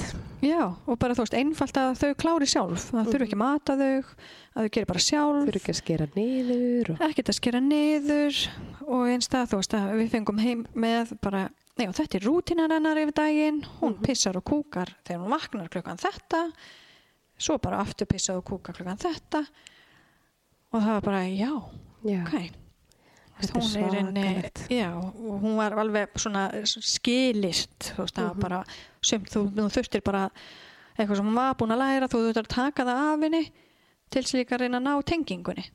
Já, Þú veist, hún alltaf klætti sig sjálf, hún kunni það alveg, já, en maður þurfti svolítið bara, ok, viltu, já, ég klæða þig, bara þannig að maður nái að, þú veist, að það sem hún fær snertingu, að því þegar hún er þetta gömul, þú ert ekki að fara að knúsa mikið. nei, þú þarft eiginlega bara að gera á forsendum batsins þannig að þú maður satt bara og settist og við hliðin á henni ef hún var að leika sér og leiði henni svolítið síðan réttamanni já, Eða, ekki vera aðeins að svona vera of ágengur Nei, maður þarf svolítið að passa það eins mikið að langar það bara Algjörlega. í þetta batni sko, Já. bara knúsa í, í kaf sérstaklega bat sem maður kannski maður, maður upplifir búin að vera svona lengi inn á stofnun Mhm. og vantar svo mikið svona eh, félagslega þátt og Já. þá langaði náttúrulega bara Krista í knúsi sko en hún er ekki, var ekki þar. Nei, nokkulega og, og svo bara þurfti að kenna henni með þetta eins og fara í styrtu Já, og var bara eins og hún væri um, bara fangi með hendurnar á vegnum og bara stíf sko. Það var bara, Er það? Í sturtunni? já, í styrtunni en var náttúrulega fór alltaf í bað. Já, að hún, við fórum með mitt ég, hún og Birkir fórum í Mhm. sund. Og hún bara svona háfaði fyrir svolítið í hana Mhm. gerir það enn í dag veist þannig að þegar var eitthvað með hárblásara eða handþurkur já, eins og inn á klósitum að það var bara öskur. Já. Og fyrst náttúrulega maður það bara læra bara býtu hvað er í gangi? Mhm. og hún átti að hafa farið í sund. Við höldum, jú, kannski hefur verið eitthvað mjög lítið. Kannski bara uppblási laug, skilur já, bara eitthvað svo leiði sko, að hún var rosa hrætt sko en við bara gerðum að við fórum bara reglulega, bara við þrjú fórum bara byrki sindinni Mhm. þannig að hún varð svona örugari þess bara, svona getum við gert, við erum bara með kút. Þannig að hún var en Já. hún er, það er bara stutt síðan hún hætti að vera hrætt við handturkur Vá, eins og inn á klósitum sko. Þetta er magna Já, þannig að hún var bara og svona hljóð, þú veist eins og brunakerfi Já, í skólanum. Og hún var alltaf að gráta þannig að skólinn bara ok. meðvitaður um það með, þá veist, er brunaæfing þá fyrir hún út Mhm. með kennara og þá sér hún, þú veist, það er allt í lagi og eitthvað, en hún bara ræður ekki við það. Þetta er bara, það Nei. er eitthvað hljóð og við erum með búin að senda út á barnaheimili til að spyrja hvort það hefur eitthvað komið fyrir saman við eld. Já, hef, hafi fengið svör. Já, það var ekki komið, kom ekki neitt en Nei, það fór náttúrulega stundum brunakerfi í gang og það var mjög mikill háaði það er bara svaka tryggur þannig að það er trigger sko. Já, og maður þarf alveg að vera svolítið meðveitar um það þú veist að það voru alveg svona aðstæði sem voru mjög erfiðar fyrir hana. Já, og hérna þannig að þetta er svona maður fer aðeins á öðrum fórsendum mhm, út í svona. Vá. En hún ætla alveg rosalega um, klár, hún var mjög fljóta ná málinu bara Já, eins og við erum mörg. Já, Já. bara Eru Eftir- svona eins og margi sem bara lokuðu fyrir tekniskuna og tóku bara íslenskuna já, hún er raunnið sko kunni eitthvað aðeins í teknísku þau náttúrulega segja alltaf við, þegar maður hittir á barnaheimilinum að já, þessi börn muni aldrei geta læst. Einmitt. Þau eru nú svo heimsk. Oh, en maður veit náttúrulega bara betur. Jésús, og ég var svo reið að heyra þetta já, en þetta er alveg Þetta er svo alltaf, það var sagt líka með Birki sem var pingu lítill. Ógeðslegir fordómar. Já, þetta er það, þetta er náttúrulega það er náttúrulega mjög miklu fordómar í Tjekklandi Já, og fólki sem er að hugsa um börnin og þykja jafnvel vænt um þau, þau Já. eru samt já, já, bara, þau, nei, nei uh, en maður sá samt, þú veist, að hafi verið hugsað vel um hana á barnaheimilinu þó Mhm. svo kannski ekki passaði að maður borðaði nóg þú veist, hún var eina eða stelpan sem með sítt hár það er Já. ekki algengt Ok, það þarf að hafa fyrir því já, en þá einmitt. var einn sem var að vinna sem að gerði alltaf, veist, setti tagli eða fléttu í henni. Nú, þannig að hún fekk þá Það tengingu já, já. þú veist, að, það var svo snerting sem hún fekk umfram þá bara eitthvað læknisfræðilegt sko. það er bara rosa flott. En hún var mjög hrætt einmitt við lækna Já, þegar hún kemur hér sko, og þá var einmitt og því maður byrja náttúrulega alltaf einmitt hjá barnaspítalanum og þá var að- komin, er nýri læknir núna sem heiti börnin, sem heiti Valtýr. Já. Og hann er einmitt hérna, veist að syngja, hann hafi blá hafið Var hann að syngja fyrir já, já, hana? hann, hann söng fyrir að, að að, og var ekki einmitt í slopp Já, hann er bara í vennileg fötum já, þú veist, að því að sem er mjög það er mikilvægt mjög mikilvægt að því að það getur tryggjara svolítið mikið Mhm. sko. Þessi hvítu, voru star starfsfólki svona hvítum já, já læknarnir alltaf í já, sérstaklega læknarnir þau voru alltaf í hvítum Mhm. sloppum sko. það var svona og það trikkar það alveg, þú veist, Já. við þurfum að fara til heimilislegnis, við þurfum bara að fá að fara í heimsók Mhm. og svona, þú veist, aðeins að veist, hún var ekki eins sprautuglöð eins og bróðurinnar þannig að ég þurfti með síðast þegar hún fekk sprautu eða áður að COVID koma þá hefna, þurfti ég að bara sita á henni sko til þess að Já. hún var þetta sprautana og það var bara hræðilegt Það vill ekki gera barninu sína það. nei, nei, þannig að og ég held einmitt um daginn þegar við fórum heilskessluna, held hún ætti eftir að fá okkur á bólusetningu en sem betur fyrir var það ekki Já, hún er búin að fá allar. hún er búin að fá alltaf þangað til 12 ára. Já, þannig að það var bara mikill léttir að því að ég sá bara fyrir mér að maður þurfti að vera liggja ofan á henni sko, það er hræðilegt. Jésús. en svo náttúrulega erum við bara, þú veist, við eh, vorum duglega að fara, þú veist, þegar ég fótt í tannlæknist þá fór hún með í heimsók Já, þú veist, þannig að við erum bara alltaf verið að venja hana við þú veist, aðstæðum sem að við vitum að muni vera erfiðar að þá bara fara svona hægt og rólega bara þess að kynnast, já. fara bara að sjá húsið, fara aðeins inn og svo fara að hitta eitthvað og þannig að, að gera þetta svona á hennar hraða Já, það er bara geggjaða punktur. mm Takk sér hænuskrið. Já, í rauninni Já. og maður þarf bara, þú veist, það er- það er við sem að vitum best Mhm, fyrir barnið Algjörlega. og við þekkjum barnið og Mhm. maður þarf líka bara að vera óheikað að segja þessum eins og læknum og annað Mhm. Bara frá að því þeir, maður getur ekki allast þess að þeir viti. Nei, og þú ert bara að standa finnur í skýrslu þá er Já, það, nei, nei, nei, það skiptir ekki máli sko, þannig að maður þarf alveg bara að vera og veist, Mhm. það er engin annar sem er best fyrir barninu heldur en þú Já. sko. og, en hún fór svo bara með á leikskóla sama sem að bróðurinn hafi verið á. Já, bara fljótlega eftir að koma heim eða... Já, hún byrjaði svona að fara í aðlugun, þú veist, við, við fórum bara í heimsók, Mhm. náttúrulega, mikil spenna, já, Var hún spennt að fara á leikskóla? já, mjög og líka bara þau að fá hana. Bara, Já, leikskólinn. Já, við náttúrulega bara í desember letum við leikskólan vita að við varum að þau bara, ok, við bara látum búa til kennitölu, svo hún komið strax inn í kerfið uh, og svo Hversu- fórum við bara að koma veist í heimsókn og það var Já. kona þar sem að er frá Slovakíu og talar þú veist, henni svipað tungumál, Mm. tjeknarskan og slóvinskan og hún, þannig að hún kann tala við Anetu Já, og svo kom bara sá tímapunkti sem Aneta hætti að skilja. Já, því þá erum bara í íslensku. þá var hún bara komin í íslenskuna. Þannig að en í mæ að þá fór hún að fara á svona, þú veist, hluturdegi svo kom bara sumafrí og svo fór hún um haustið. Fór eiginlega alveg. Já. og, En hvernig var það fyrir hana að því nú voru svo gömul á stopnun mm og fara svo inn á aðra stopnun í leikskóla? um, þetta er bara svo allt öðruvísi umhverfi, það er kannski kosturinn Já, heldur en að vara á barnaheimilinu. heldur en að vera einmitt. þarna var bara svo miklu frjálsari þú veist, að mega vera út að leika Mhm. og það voru bara allir, þú veist, ef að þú meittir því þá kom ykkur og knúsaði þig Já. og ef það var eitthvað erfitt þá kom ég bara þú veist, Mhm. þannig að það var alltaf það var aldrei neitt mál Nei. og að því að það er ofta einmitt að líka tala um það þú veist, að við fyrir að fara af stopnun yfir að aðra stopnun Já. fer náttúrulega líka bara ótrúlega eftir leikskólanum og bara hversu tilbúið starfsfólki er Mm Og skilningur er svona. Já, skilningur er það alveg mikill og við erum bara vissum fyrir hana að eins og félagsfærnin Mhm. og hún myndi vera erfið. Já. Hún, hún verið svona lengi á barnaheimili og þar var bara nefin. Já, það er survival of the Já, fittest. í rauninni Vá. og skipti ekki máli hvort að hún væri jákvæð aðtekli sem hún fengið eða neikvæð. Bara Bara aðtekli Mhm. Aðtekli, aðtekli. Já. Að hvernig finnst þér svona, hún er búin að vera hérna núna í hvað? hún er búin að vera í fjögur ár. Fjögur ár. Hvað er fljótt að líða. Og maður náttúrulega talar um eins og myndist aðeins á þessi ætlengar aldurinn Einmitt.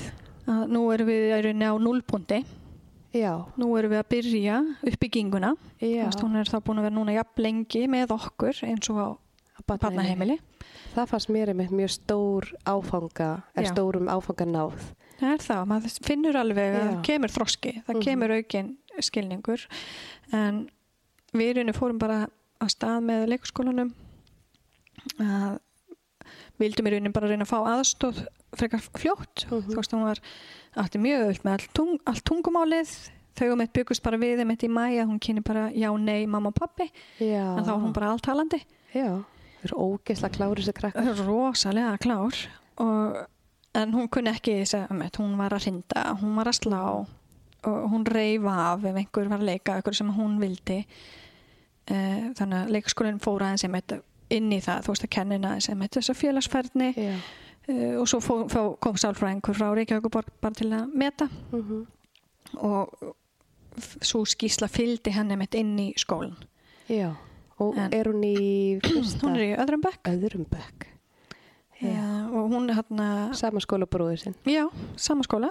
Er það ekki öryggi svona, ekki öryggi fyrir hana? Jú, fyrir hana, hún Já. finnst, finnst það stundum alveg ræðilega leðilegt og segir við hana bara, þú skalt ekki helsa mér þegar við erum út í fríminúndum. Oh my god. Hann er En það er bara, já, já, það er, ég veit, tíu ára úlingur. Já, oh my en, god. en það er, þú veist, hann Já. passar vel upp á hana og Já.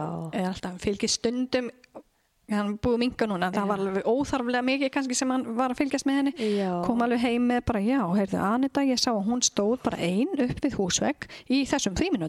Eða þá, já, ég sá að hún hefði sparkað boltanum frá þessu barni.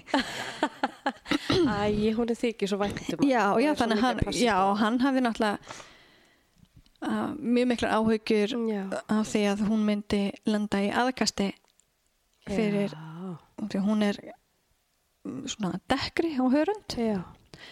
að hún myndi, hann hafði miklar ágjörði því hún, hef, hún hefur engar ágjörði því Nei. Er hún, Hún ekki svolítið mikill fætir? Jú, hún er það, hún er náttúrulega bara algjör fætir, hún Mhm. er bara er ekkert að láta vaða yfir sig og maður þetta aðeins að náttúrulega draga úr því þannig að það, hún kynni mitt að beita öðrum háttum heldur en bara Einmitt. eða hrinda og það er alltaf að koma skólinn vildi fyrst einmitt bara alltaf að kynast henni Já, og við bara nei Það var sama í okkur, við bara nei, ég ætla að senda þá fram strákana og ég þarf að tala við ykkur. Já. Bara, já, já, við bara strax, veist, við ætlum að veist, þegar það var komið tvær vikur og kennarin var búin að fá Mhm. tölupost frá öllum fóruldunum í bekknum já. um það að hún væri með það og þá bara segðum við, heyrðu, ok, við sögum ykkur, þið fenguð skýslu í ágúst, hvað gerðu þið með það?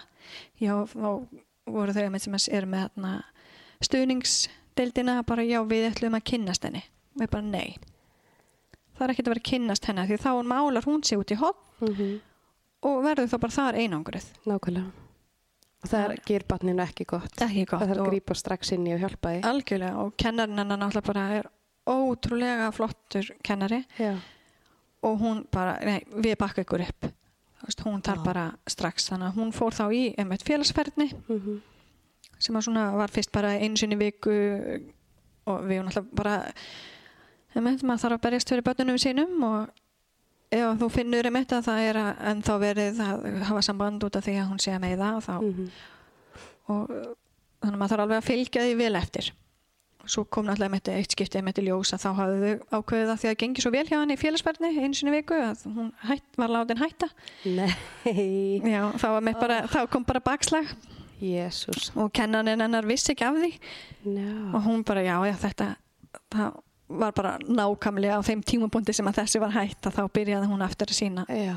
að því að hún var ekki tilbúin, hún bara náði ekki að meðtaka Nei. félagsferðni einu sinni í viku Það er eiginlega að vera bara stanslust. Já, þannig að hún er alveg með, þú veist, hún er alveg með fast tvisvar í viku og svo er hún bara það er mikið verið að Já. hjálpa henni Eh, en það hefur þessi vetur gengið ótrúlega vel Mhm. miklu betur og maður finnur bara þú veist, að hún er, henni líður miklu betur þú veist Já. að koma alveg inn eitthvað, þú veist, eitthvað svona hún alltaf líka þannig að hún er svo hún, hún er, hefur líst þannig hún er rosalega félagslind og vinsæl Mhm. en hefur ekki félagsfærnina Nei. þannig að það er alveg, krakkarnir sækjast í að leika við hana þó svo, hún hafi, nei, þó svo hún hafi nýbúin að vera kýl eitthvað að þá var hún alveg eftirsótt í að vera leikfélagi Já. Og svo mikil sjarma. og hún er bara, já, alveg Já. rosalegu sérmi og hún alltaf þekkir alla í skólanum Einmitt. bæði nemyndur, kennara og starfsfólk Vá. heilsar þeim bara allstaðar Já. Hún er bara the it girl. Já, enda er það, þú veist, þegar maður kemur þú veist, það vita allir bara, já, þetta er mamma Anitu þú veist, það bara, ó, Anita var að gera svona og maður þurfti stundum með mitt að segja bara, ok þið, megið ekki, þið verðið að horfa Mhm. fram hjá krútlegheitunum og hugsa, ok, þessi hegðun er ekki í bóði sem að væri kannski ekki, væri búið að taka á þegar væri bat sem að væri ekki með svona krútlegheit Einmitt. þannig að maður þarf alveg að líka passa það þú veist Já. að hún sé Marst er að ég vera sjarmerar til þess að lifa af. Svo að, já, hún er, já, hún er búin að finna það er það Já. sem að virkar Það er nefnilega virkar. Ég bara- tengi svo hart við þetta því að það eru allir að dásama strákin okkar, hvað hann er Mhm. ógeðslega sjarmirandi og kurtis og æðislegur og sem hann er náttúrulega, já, já, já, En þessi sjarmur er varnarhegðun, algjörlega. Þannig að hún þurfti einmitt bara að læra það, þú veist, að maður getur líka alveg verið náða aðdegla á annan hátt og, og svona, þannig að það hefur, þetta hefur gengið ágætlega með Mhm. skólan, veist, meina, við höfum að grípa að snemma inn í þegar fengi, hún hefði sagt að eitthvað kallaði mig brúnnes og skítur, Já, sem var líka gert við bróðir hennar, en Já, þau bara, hann náttúrulega talar mjög mikið, segir mikið frá, þannig að við náttúrulega höfum bara alltaf grípið strax inn í, sko, þetta er bara ekki bóðlegt, nákvæmlega. Og skólinn tekur vel á því. Já, já, hann Já. hefur allavega í okkar tilfelli, hann Mhm. gerir það kannski ekki í öllum, en Nei. við höfum allavega, við náttúrulega, maður náttúrulega búin að lesa ótrúlega mikið af efni um ætlaðingar Mhm. og tengsl og alls konar, þannig að maður reynir að draga það með og við höfum farið með fræðslur, bæði þá við sem fóreldrar og síðan bara í skatlæng Já, í skólana. í skólan, Já. bæði í leikskólan og síðan í skólan, ég hef farið með fræðslu fyrir eins og fóreldrarna í bekknum hjá Anetu. Já, hvernig var það? Var það ekki næs? Jú, það var bara mjög fínt. Þá er einu bara samræði við kennan hennar, svona stutt eftir hún byrjaði og þá Mhm. fór ég bara yfir eins og ég, ég sagði með þú veist, ég var ekkert að afsaka hegðunin hennar en ég fór bara yfir sögun hennar. Já. bara þannig að fólk hefði kannski bara aðeins skilning. Og það var bara sömið sem að voru bara já, ok, þú veist, var hún fjögur ára þegar að hún var bara fjögur ára á barnaheimili? Þannig að það hjálpaði mjög mikið. Mhm. en svo í rauninni sko við suma gat maður ekkert annað sagt þú ekkur sem hún hafði verið að leika sér við og hún var að meiða og fóröldan voru kannski að spyrja þú veist bara hvað ráð getur þú gefið? Já, einmitt. og maður sagði þú veist, maður hefur svo lítil ráð að því að var bara verið að reyna að kenna henni í félagsferðina. Mm en þá þyrfti náttúrulega í rauninni þú veist, eh, ef hún væri alltaf að meiða þá væri ekki hægt allast til þess að batnið þeirra held að hún vera vinur hennar. Nei, þú veist, maður getur ekki allast til þess þegar að það er alltaf þannig aðstæður einmitt. en eftir því sem hún er búin að læra þetta meira þá Mm er þetta alltaf að koma betur og betur En finnst þér svona eins og, uh, þú veist, eru börnin frætt um eitthvað tengt þessu skiluru upp á að þau séu líka með skilning? Já, svona vissu leiti Mm þú veist, okkur fannst betra að þetta fóreldrarnir hefðu vitneskuna þannig að þau Já. getur sagt sko, og þau alveg eru duglega að spyrja fóreldrarnir Einmitt. Eh, krakkarnir eru náttúrulega líka bara ótrúlega duglega en veist, við búum náttúrulega bara í fjölmenningar samfélagi, nákvæmlega. miklu meira heldur en var bara fyrir nokkrum árum síðan. Og eins og í bekknum hennar að þá eru þau hún er ekkit eina sem er á okkur ellendum uppruna. Nei, þannig að það er öðruvísi þú veist það er, þeir eru mér, mér finnst þú vera svona skilningsríkari mm algjörlega. en geta líka verið ótrúlega vond já, og já. grimm Ég er meitt svona að því að ég tengi svo hart við þetta, þú veist, að hérna fræða, þú veist, fóreldra og við erum til dæmis í rosa góðu samstarfi við vini hans bara Mhm. og fóreldrana og segjum allt, skilur, sem kemur upp á eða eitthvað sem býr að baki. En hérna vinirni líka, þú veist, að því okkar með ADHD og er með þetta já. tengsla dæmi. Mhm. og mér er svo fallegt, ég átt svo geggja stund í gær með strákunum sem eru bestu vinir hans. Og Martin er eiga pínu erfitt. Já, og hann er svolítið að testa Já. hvort að þeir fari frá honum eða ekki. Algjörlega. Og ég, það var búið að tala við strákana eins og svona aðeins að að útskýra fyrir þeim að þeir ætluðu bara að fara. Og ég stoppaði aðeins og talaði við þá og sagði mér bara núna væri Martin að pínu erfitt og hann er að þess að aðtöga hvort að þið standið með honum sem vinir eða ekki Mhm.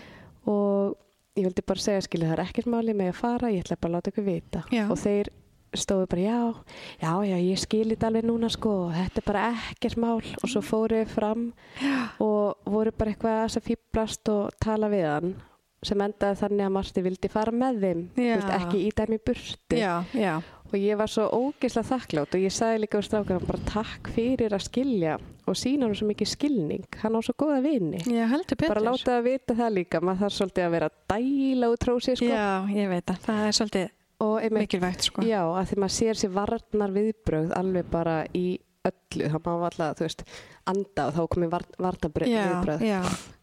Það er, hún er svona er alveg með svo heima, þú veist, hún með trausti og svona, já, hjá vinnum sínum en svo náttúrulega Já. bara, með, hún mikið í fótbolta. Já, elskar fótbolta. Finnst þenni það ekki líka, þú veist, útrásinn og jú, sem er náttúrulega bara læra samskipti og jú, svona. og við erum náttúrulega farið, hún er búin að fara í greiningu er ekki með ADHD en þú veist svona, þeir skýslan var þannig að það ætti að koma aðstofan eins og hún væri með ADHD Já, út af tengsla. Já, og líka bara einbyttingin og þetta er ekki kannski alveg til staðar, hún er svo mikið líka bara, hún er svo upptekin að fylgjast með öllum.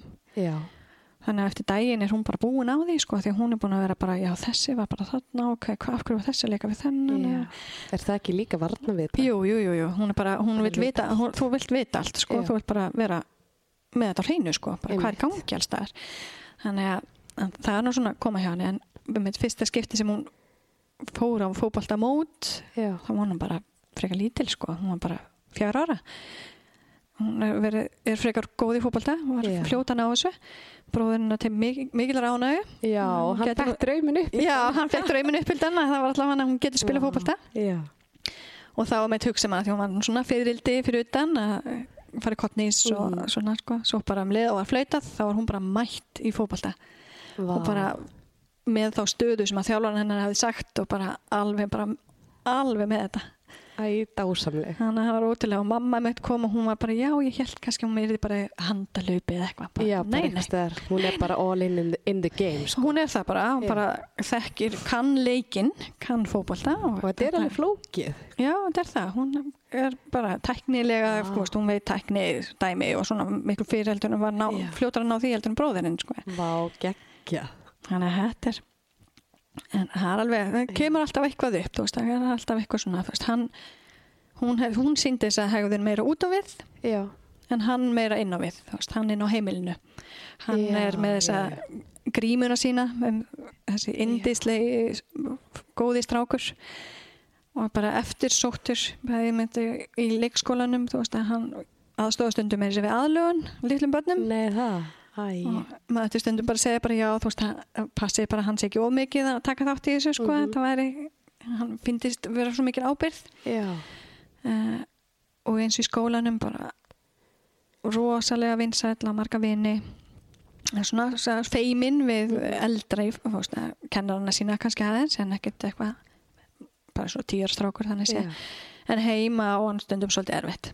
Þá er henni Þá er henni öryggið og þá getur hann sleppt sér sínt allar sína bestu hliðar. já, Bestu hliðar. já, já, já, já algjörlega Maður kannast í það, bara hann var svo dásamlegur og var ekkert við. já, já, já, maður hefur stundum með bara haft Já. samband við skólan og bara koma eitthvað upp á Einmitt. svo hefur náttúrulega hefur komið í ljós að þá hefur kannski eitthvað verið til umfyllunar Mhm. eins og hennar árið þegar kom SOS dagatal þar sem að var einmitt verið að ræða um börn sem að alast upp á barnaheimilum, Já, já, þorpunum hjá þeim og, og einmitt barn hennar strákur í Nepal sem hafi verið rænt.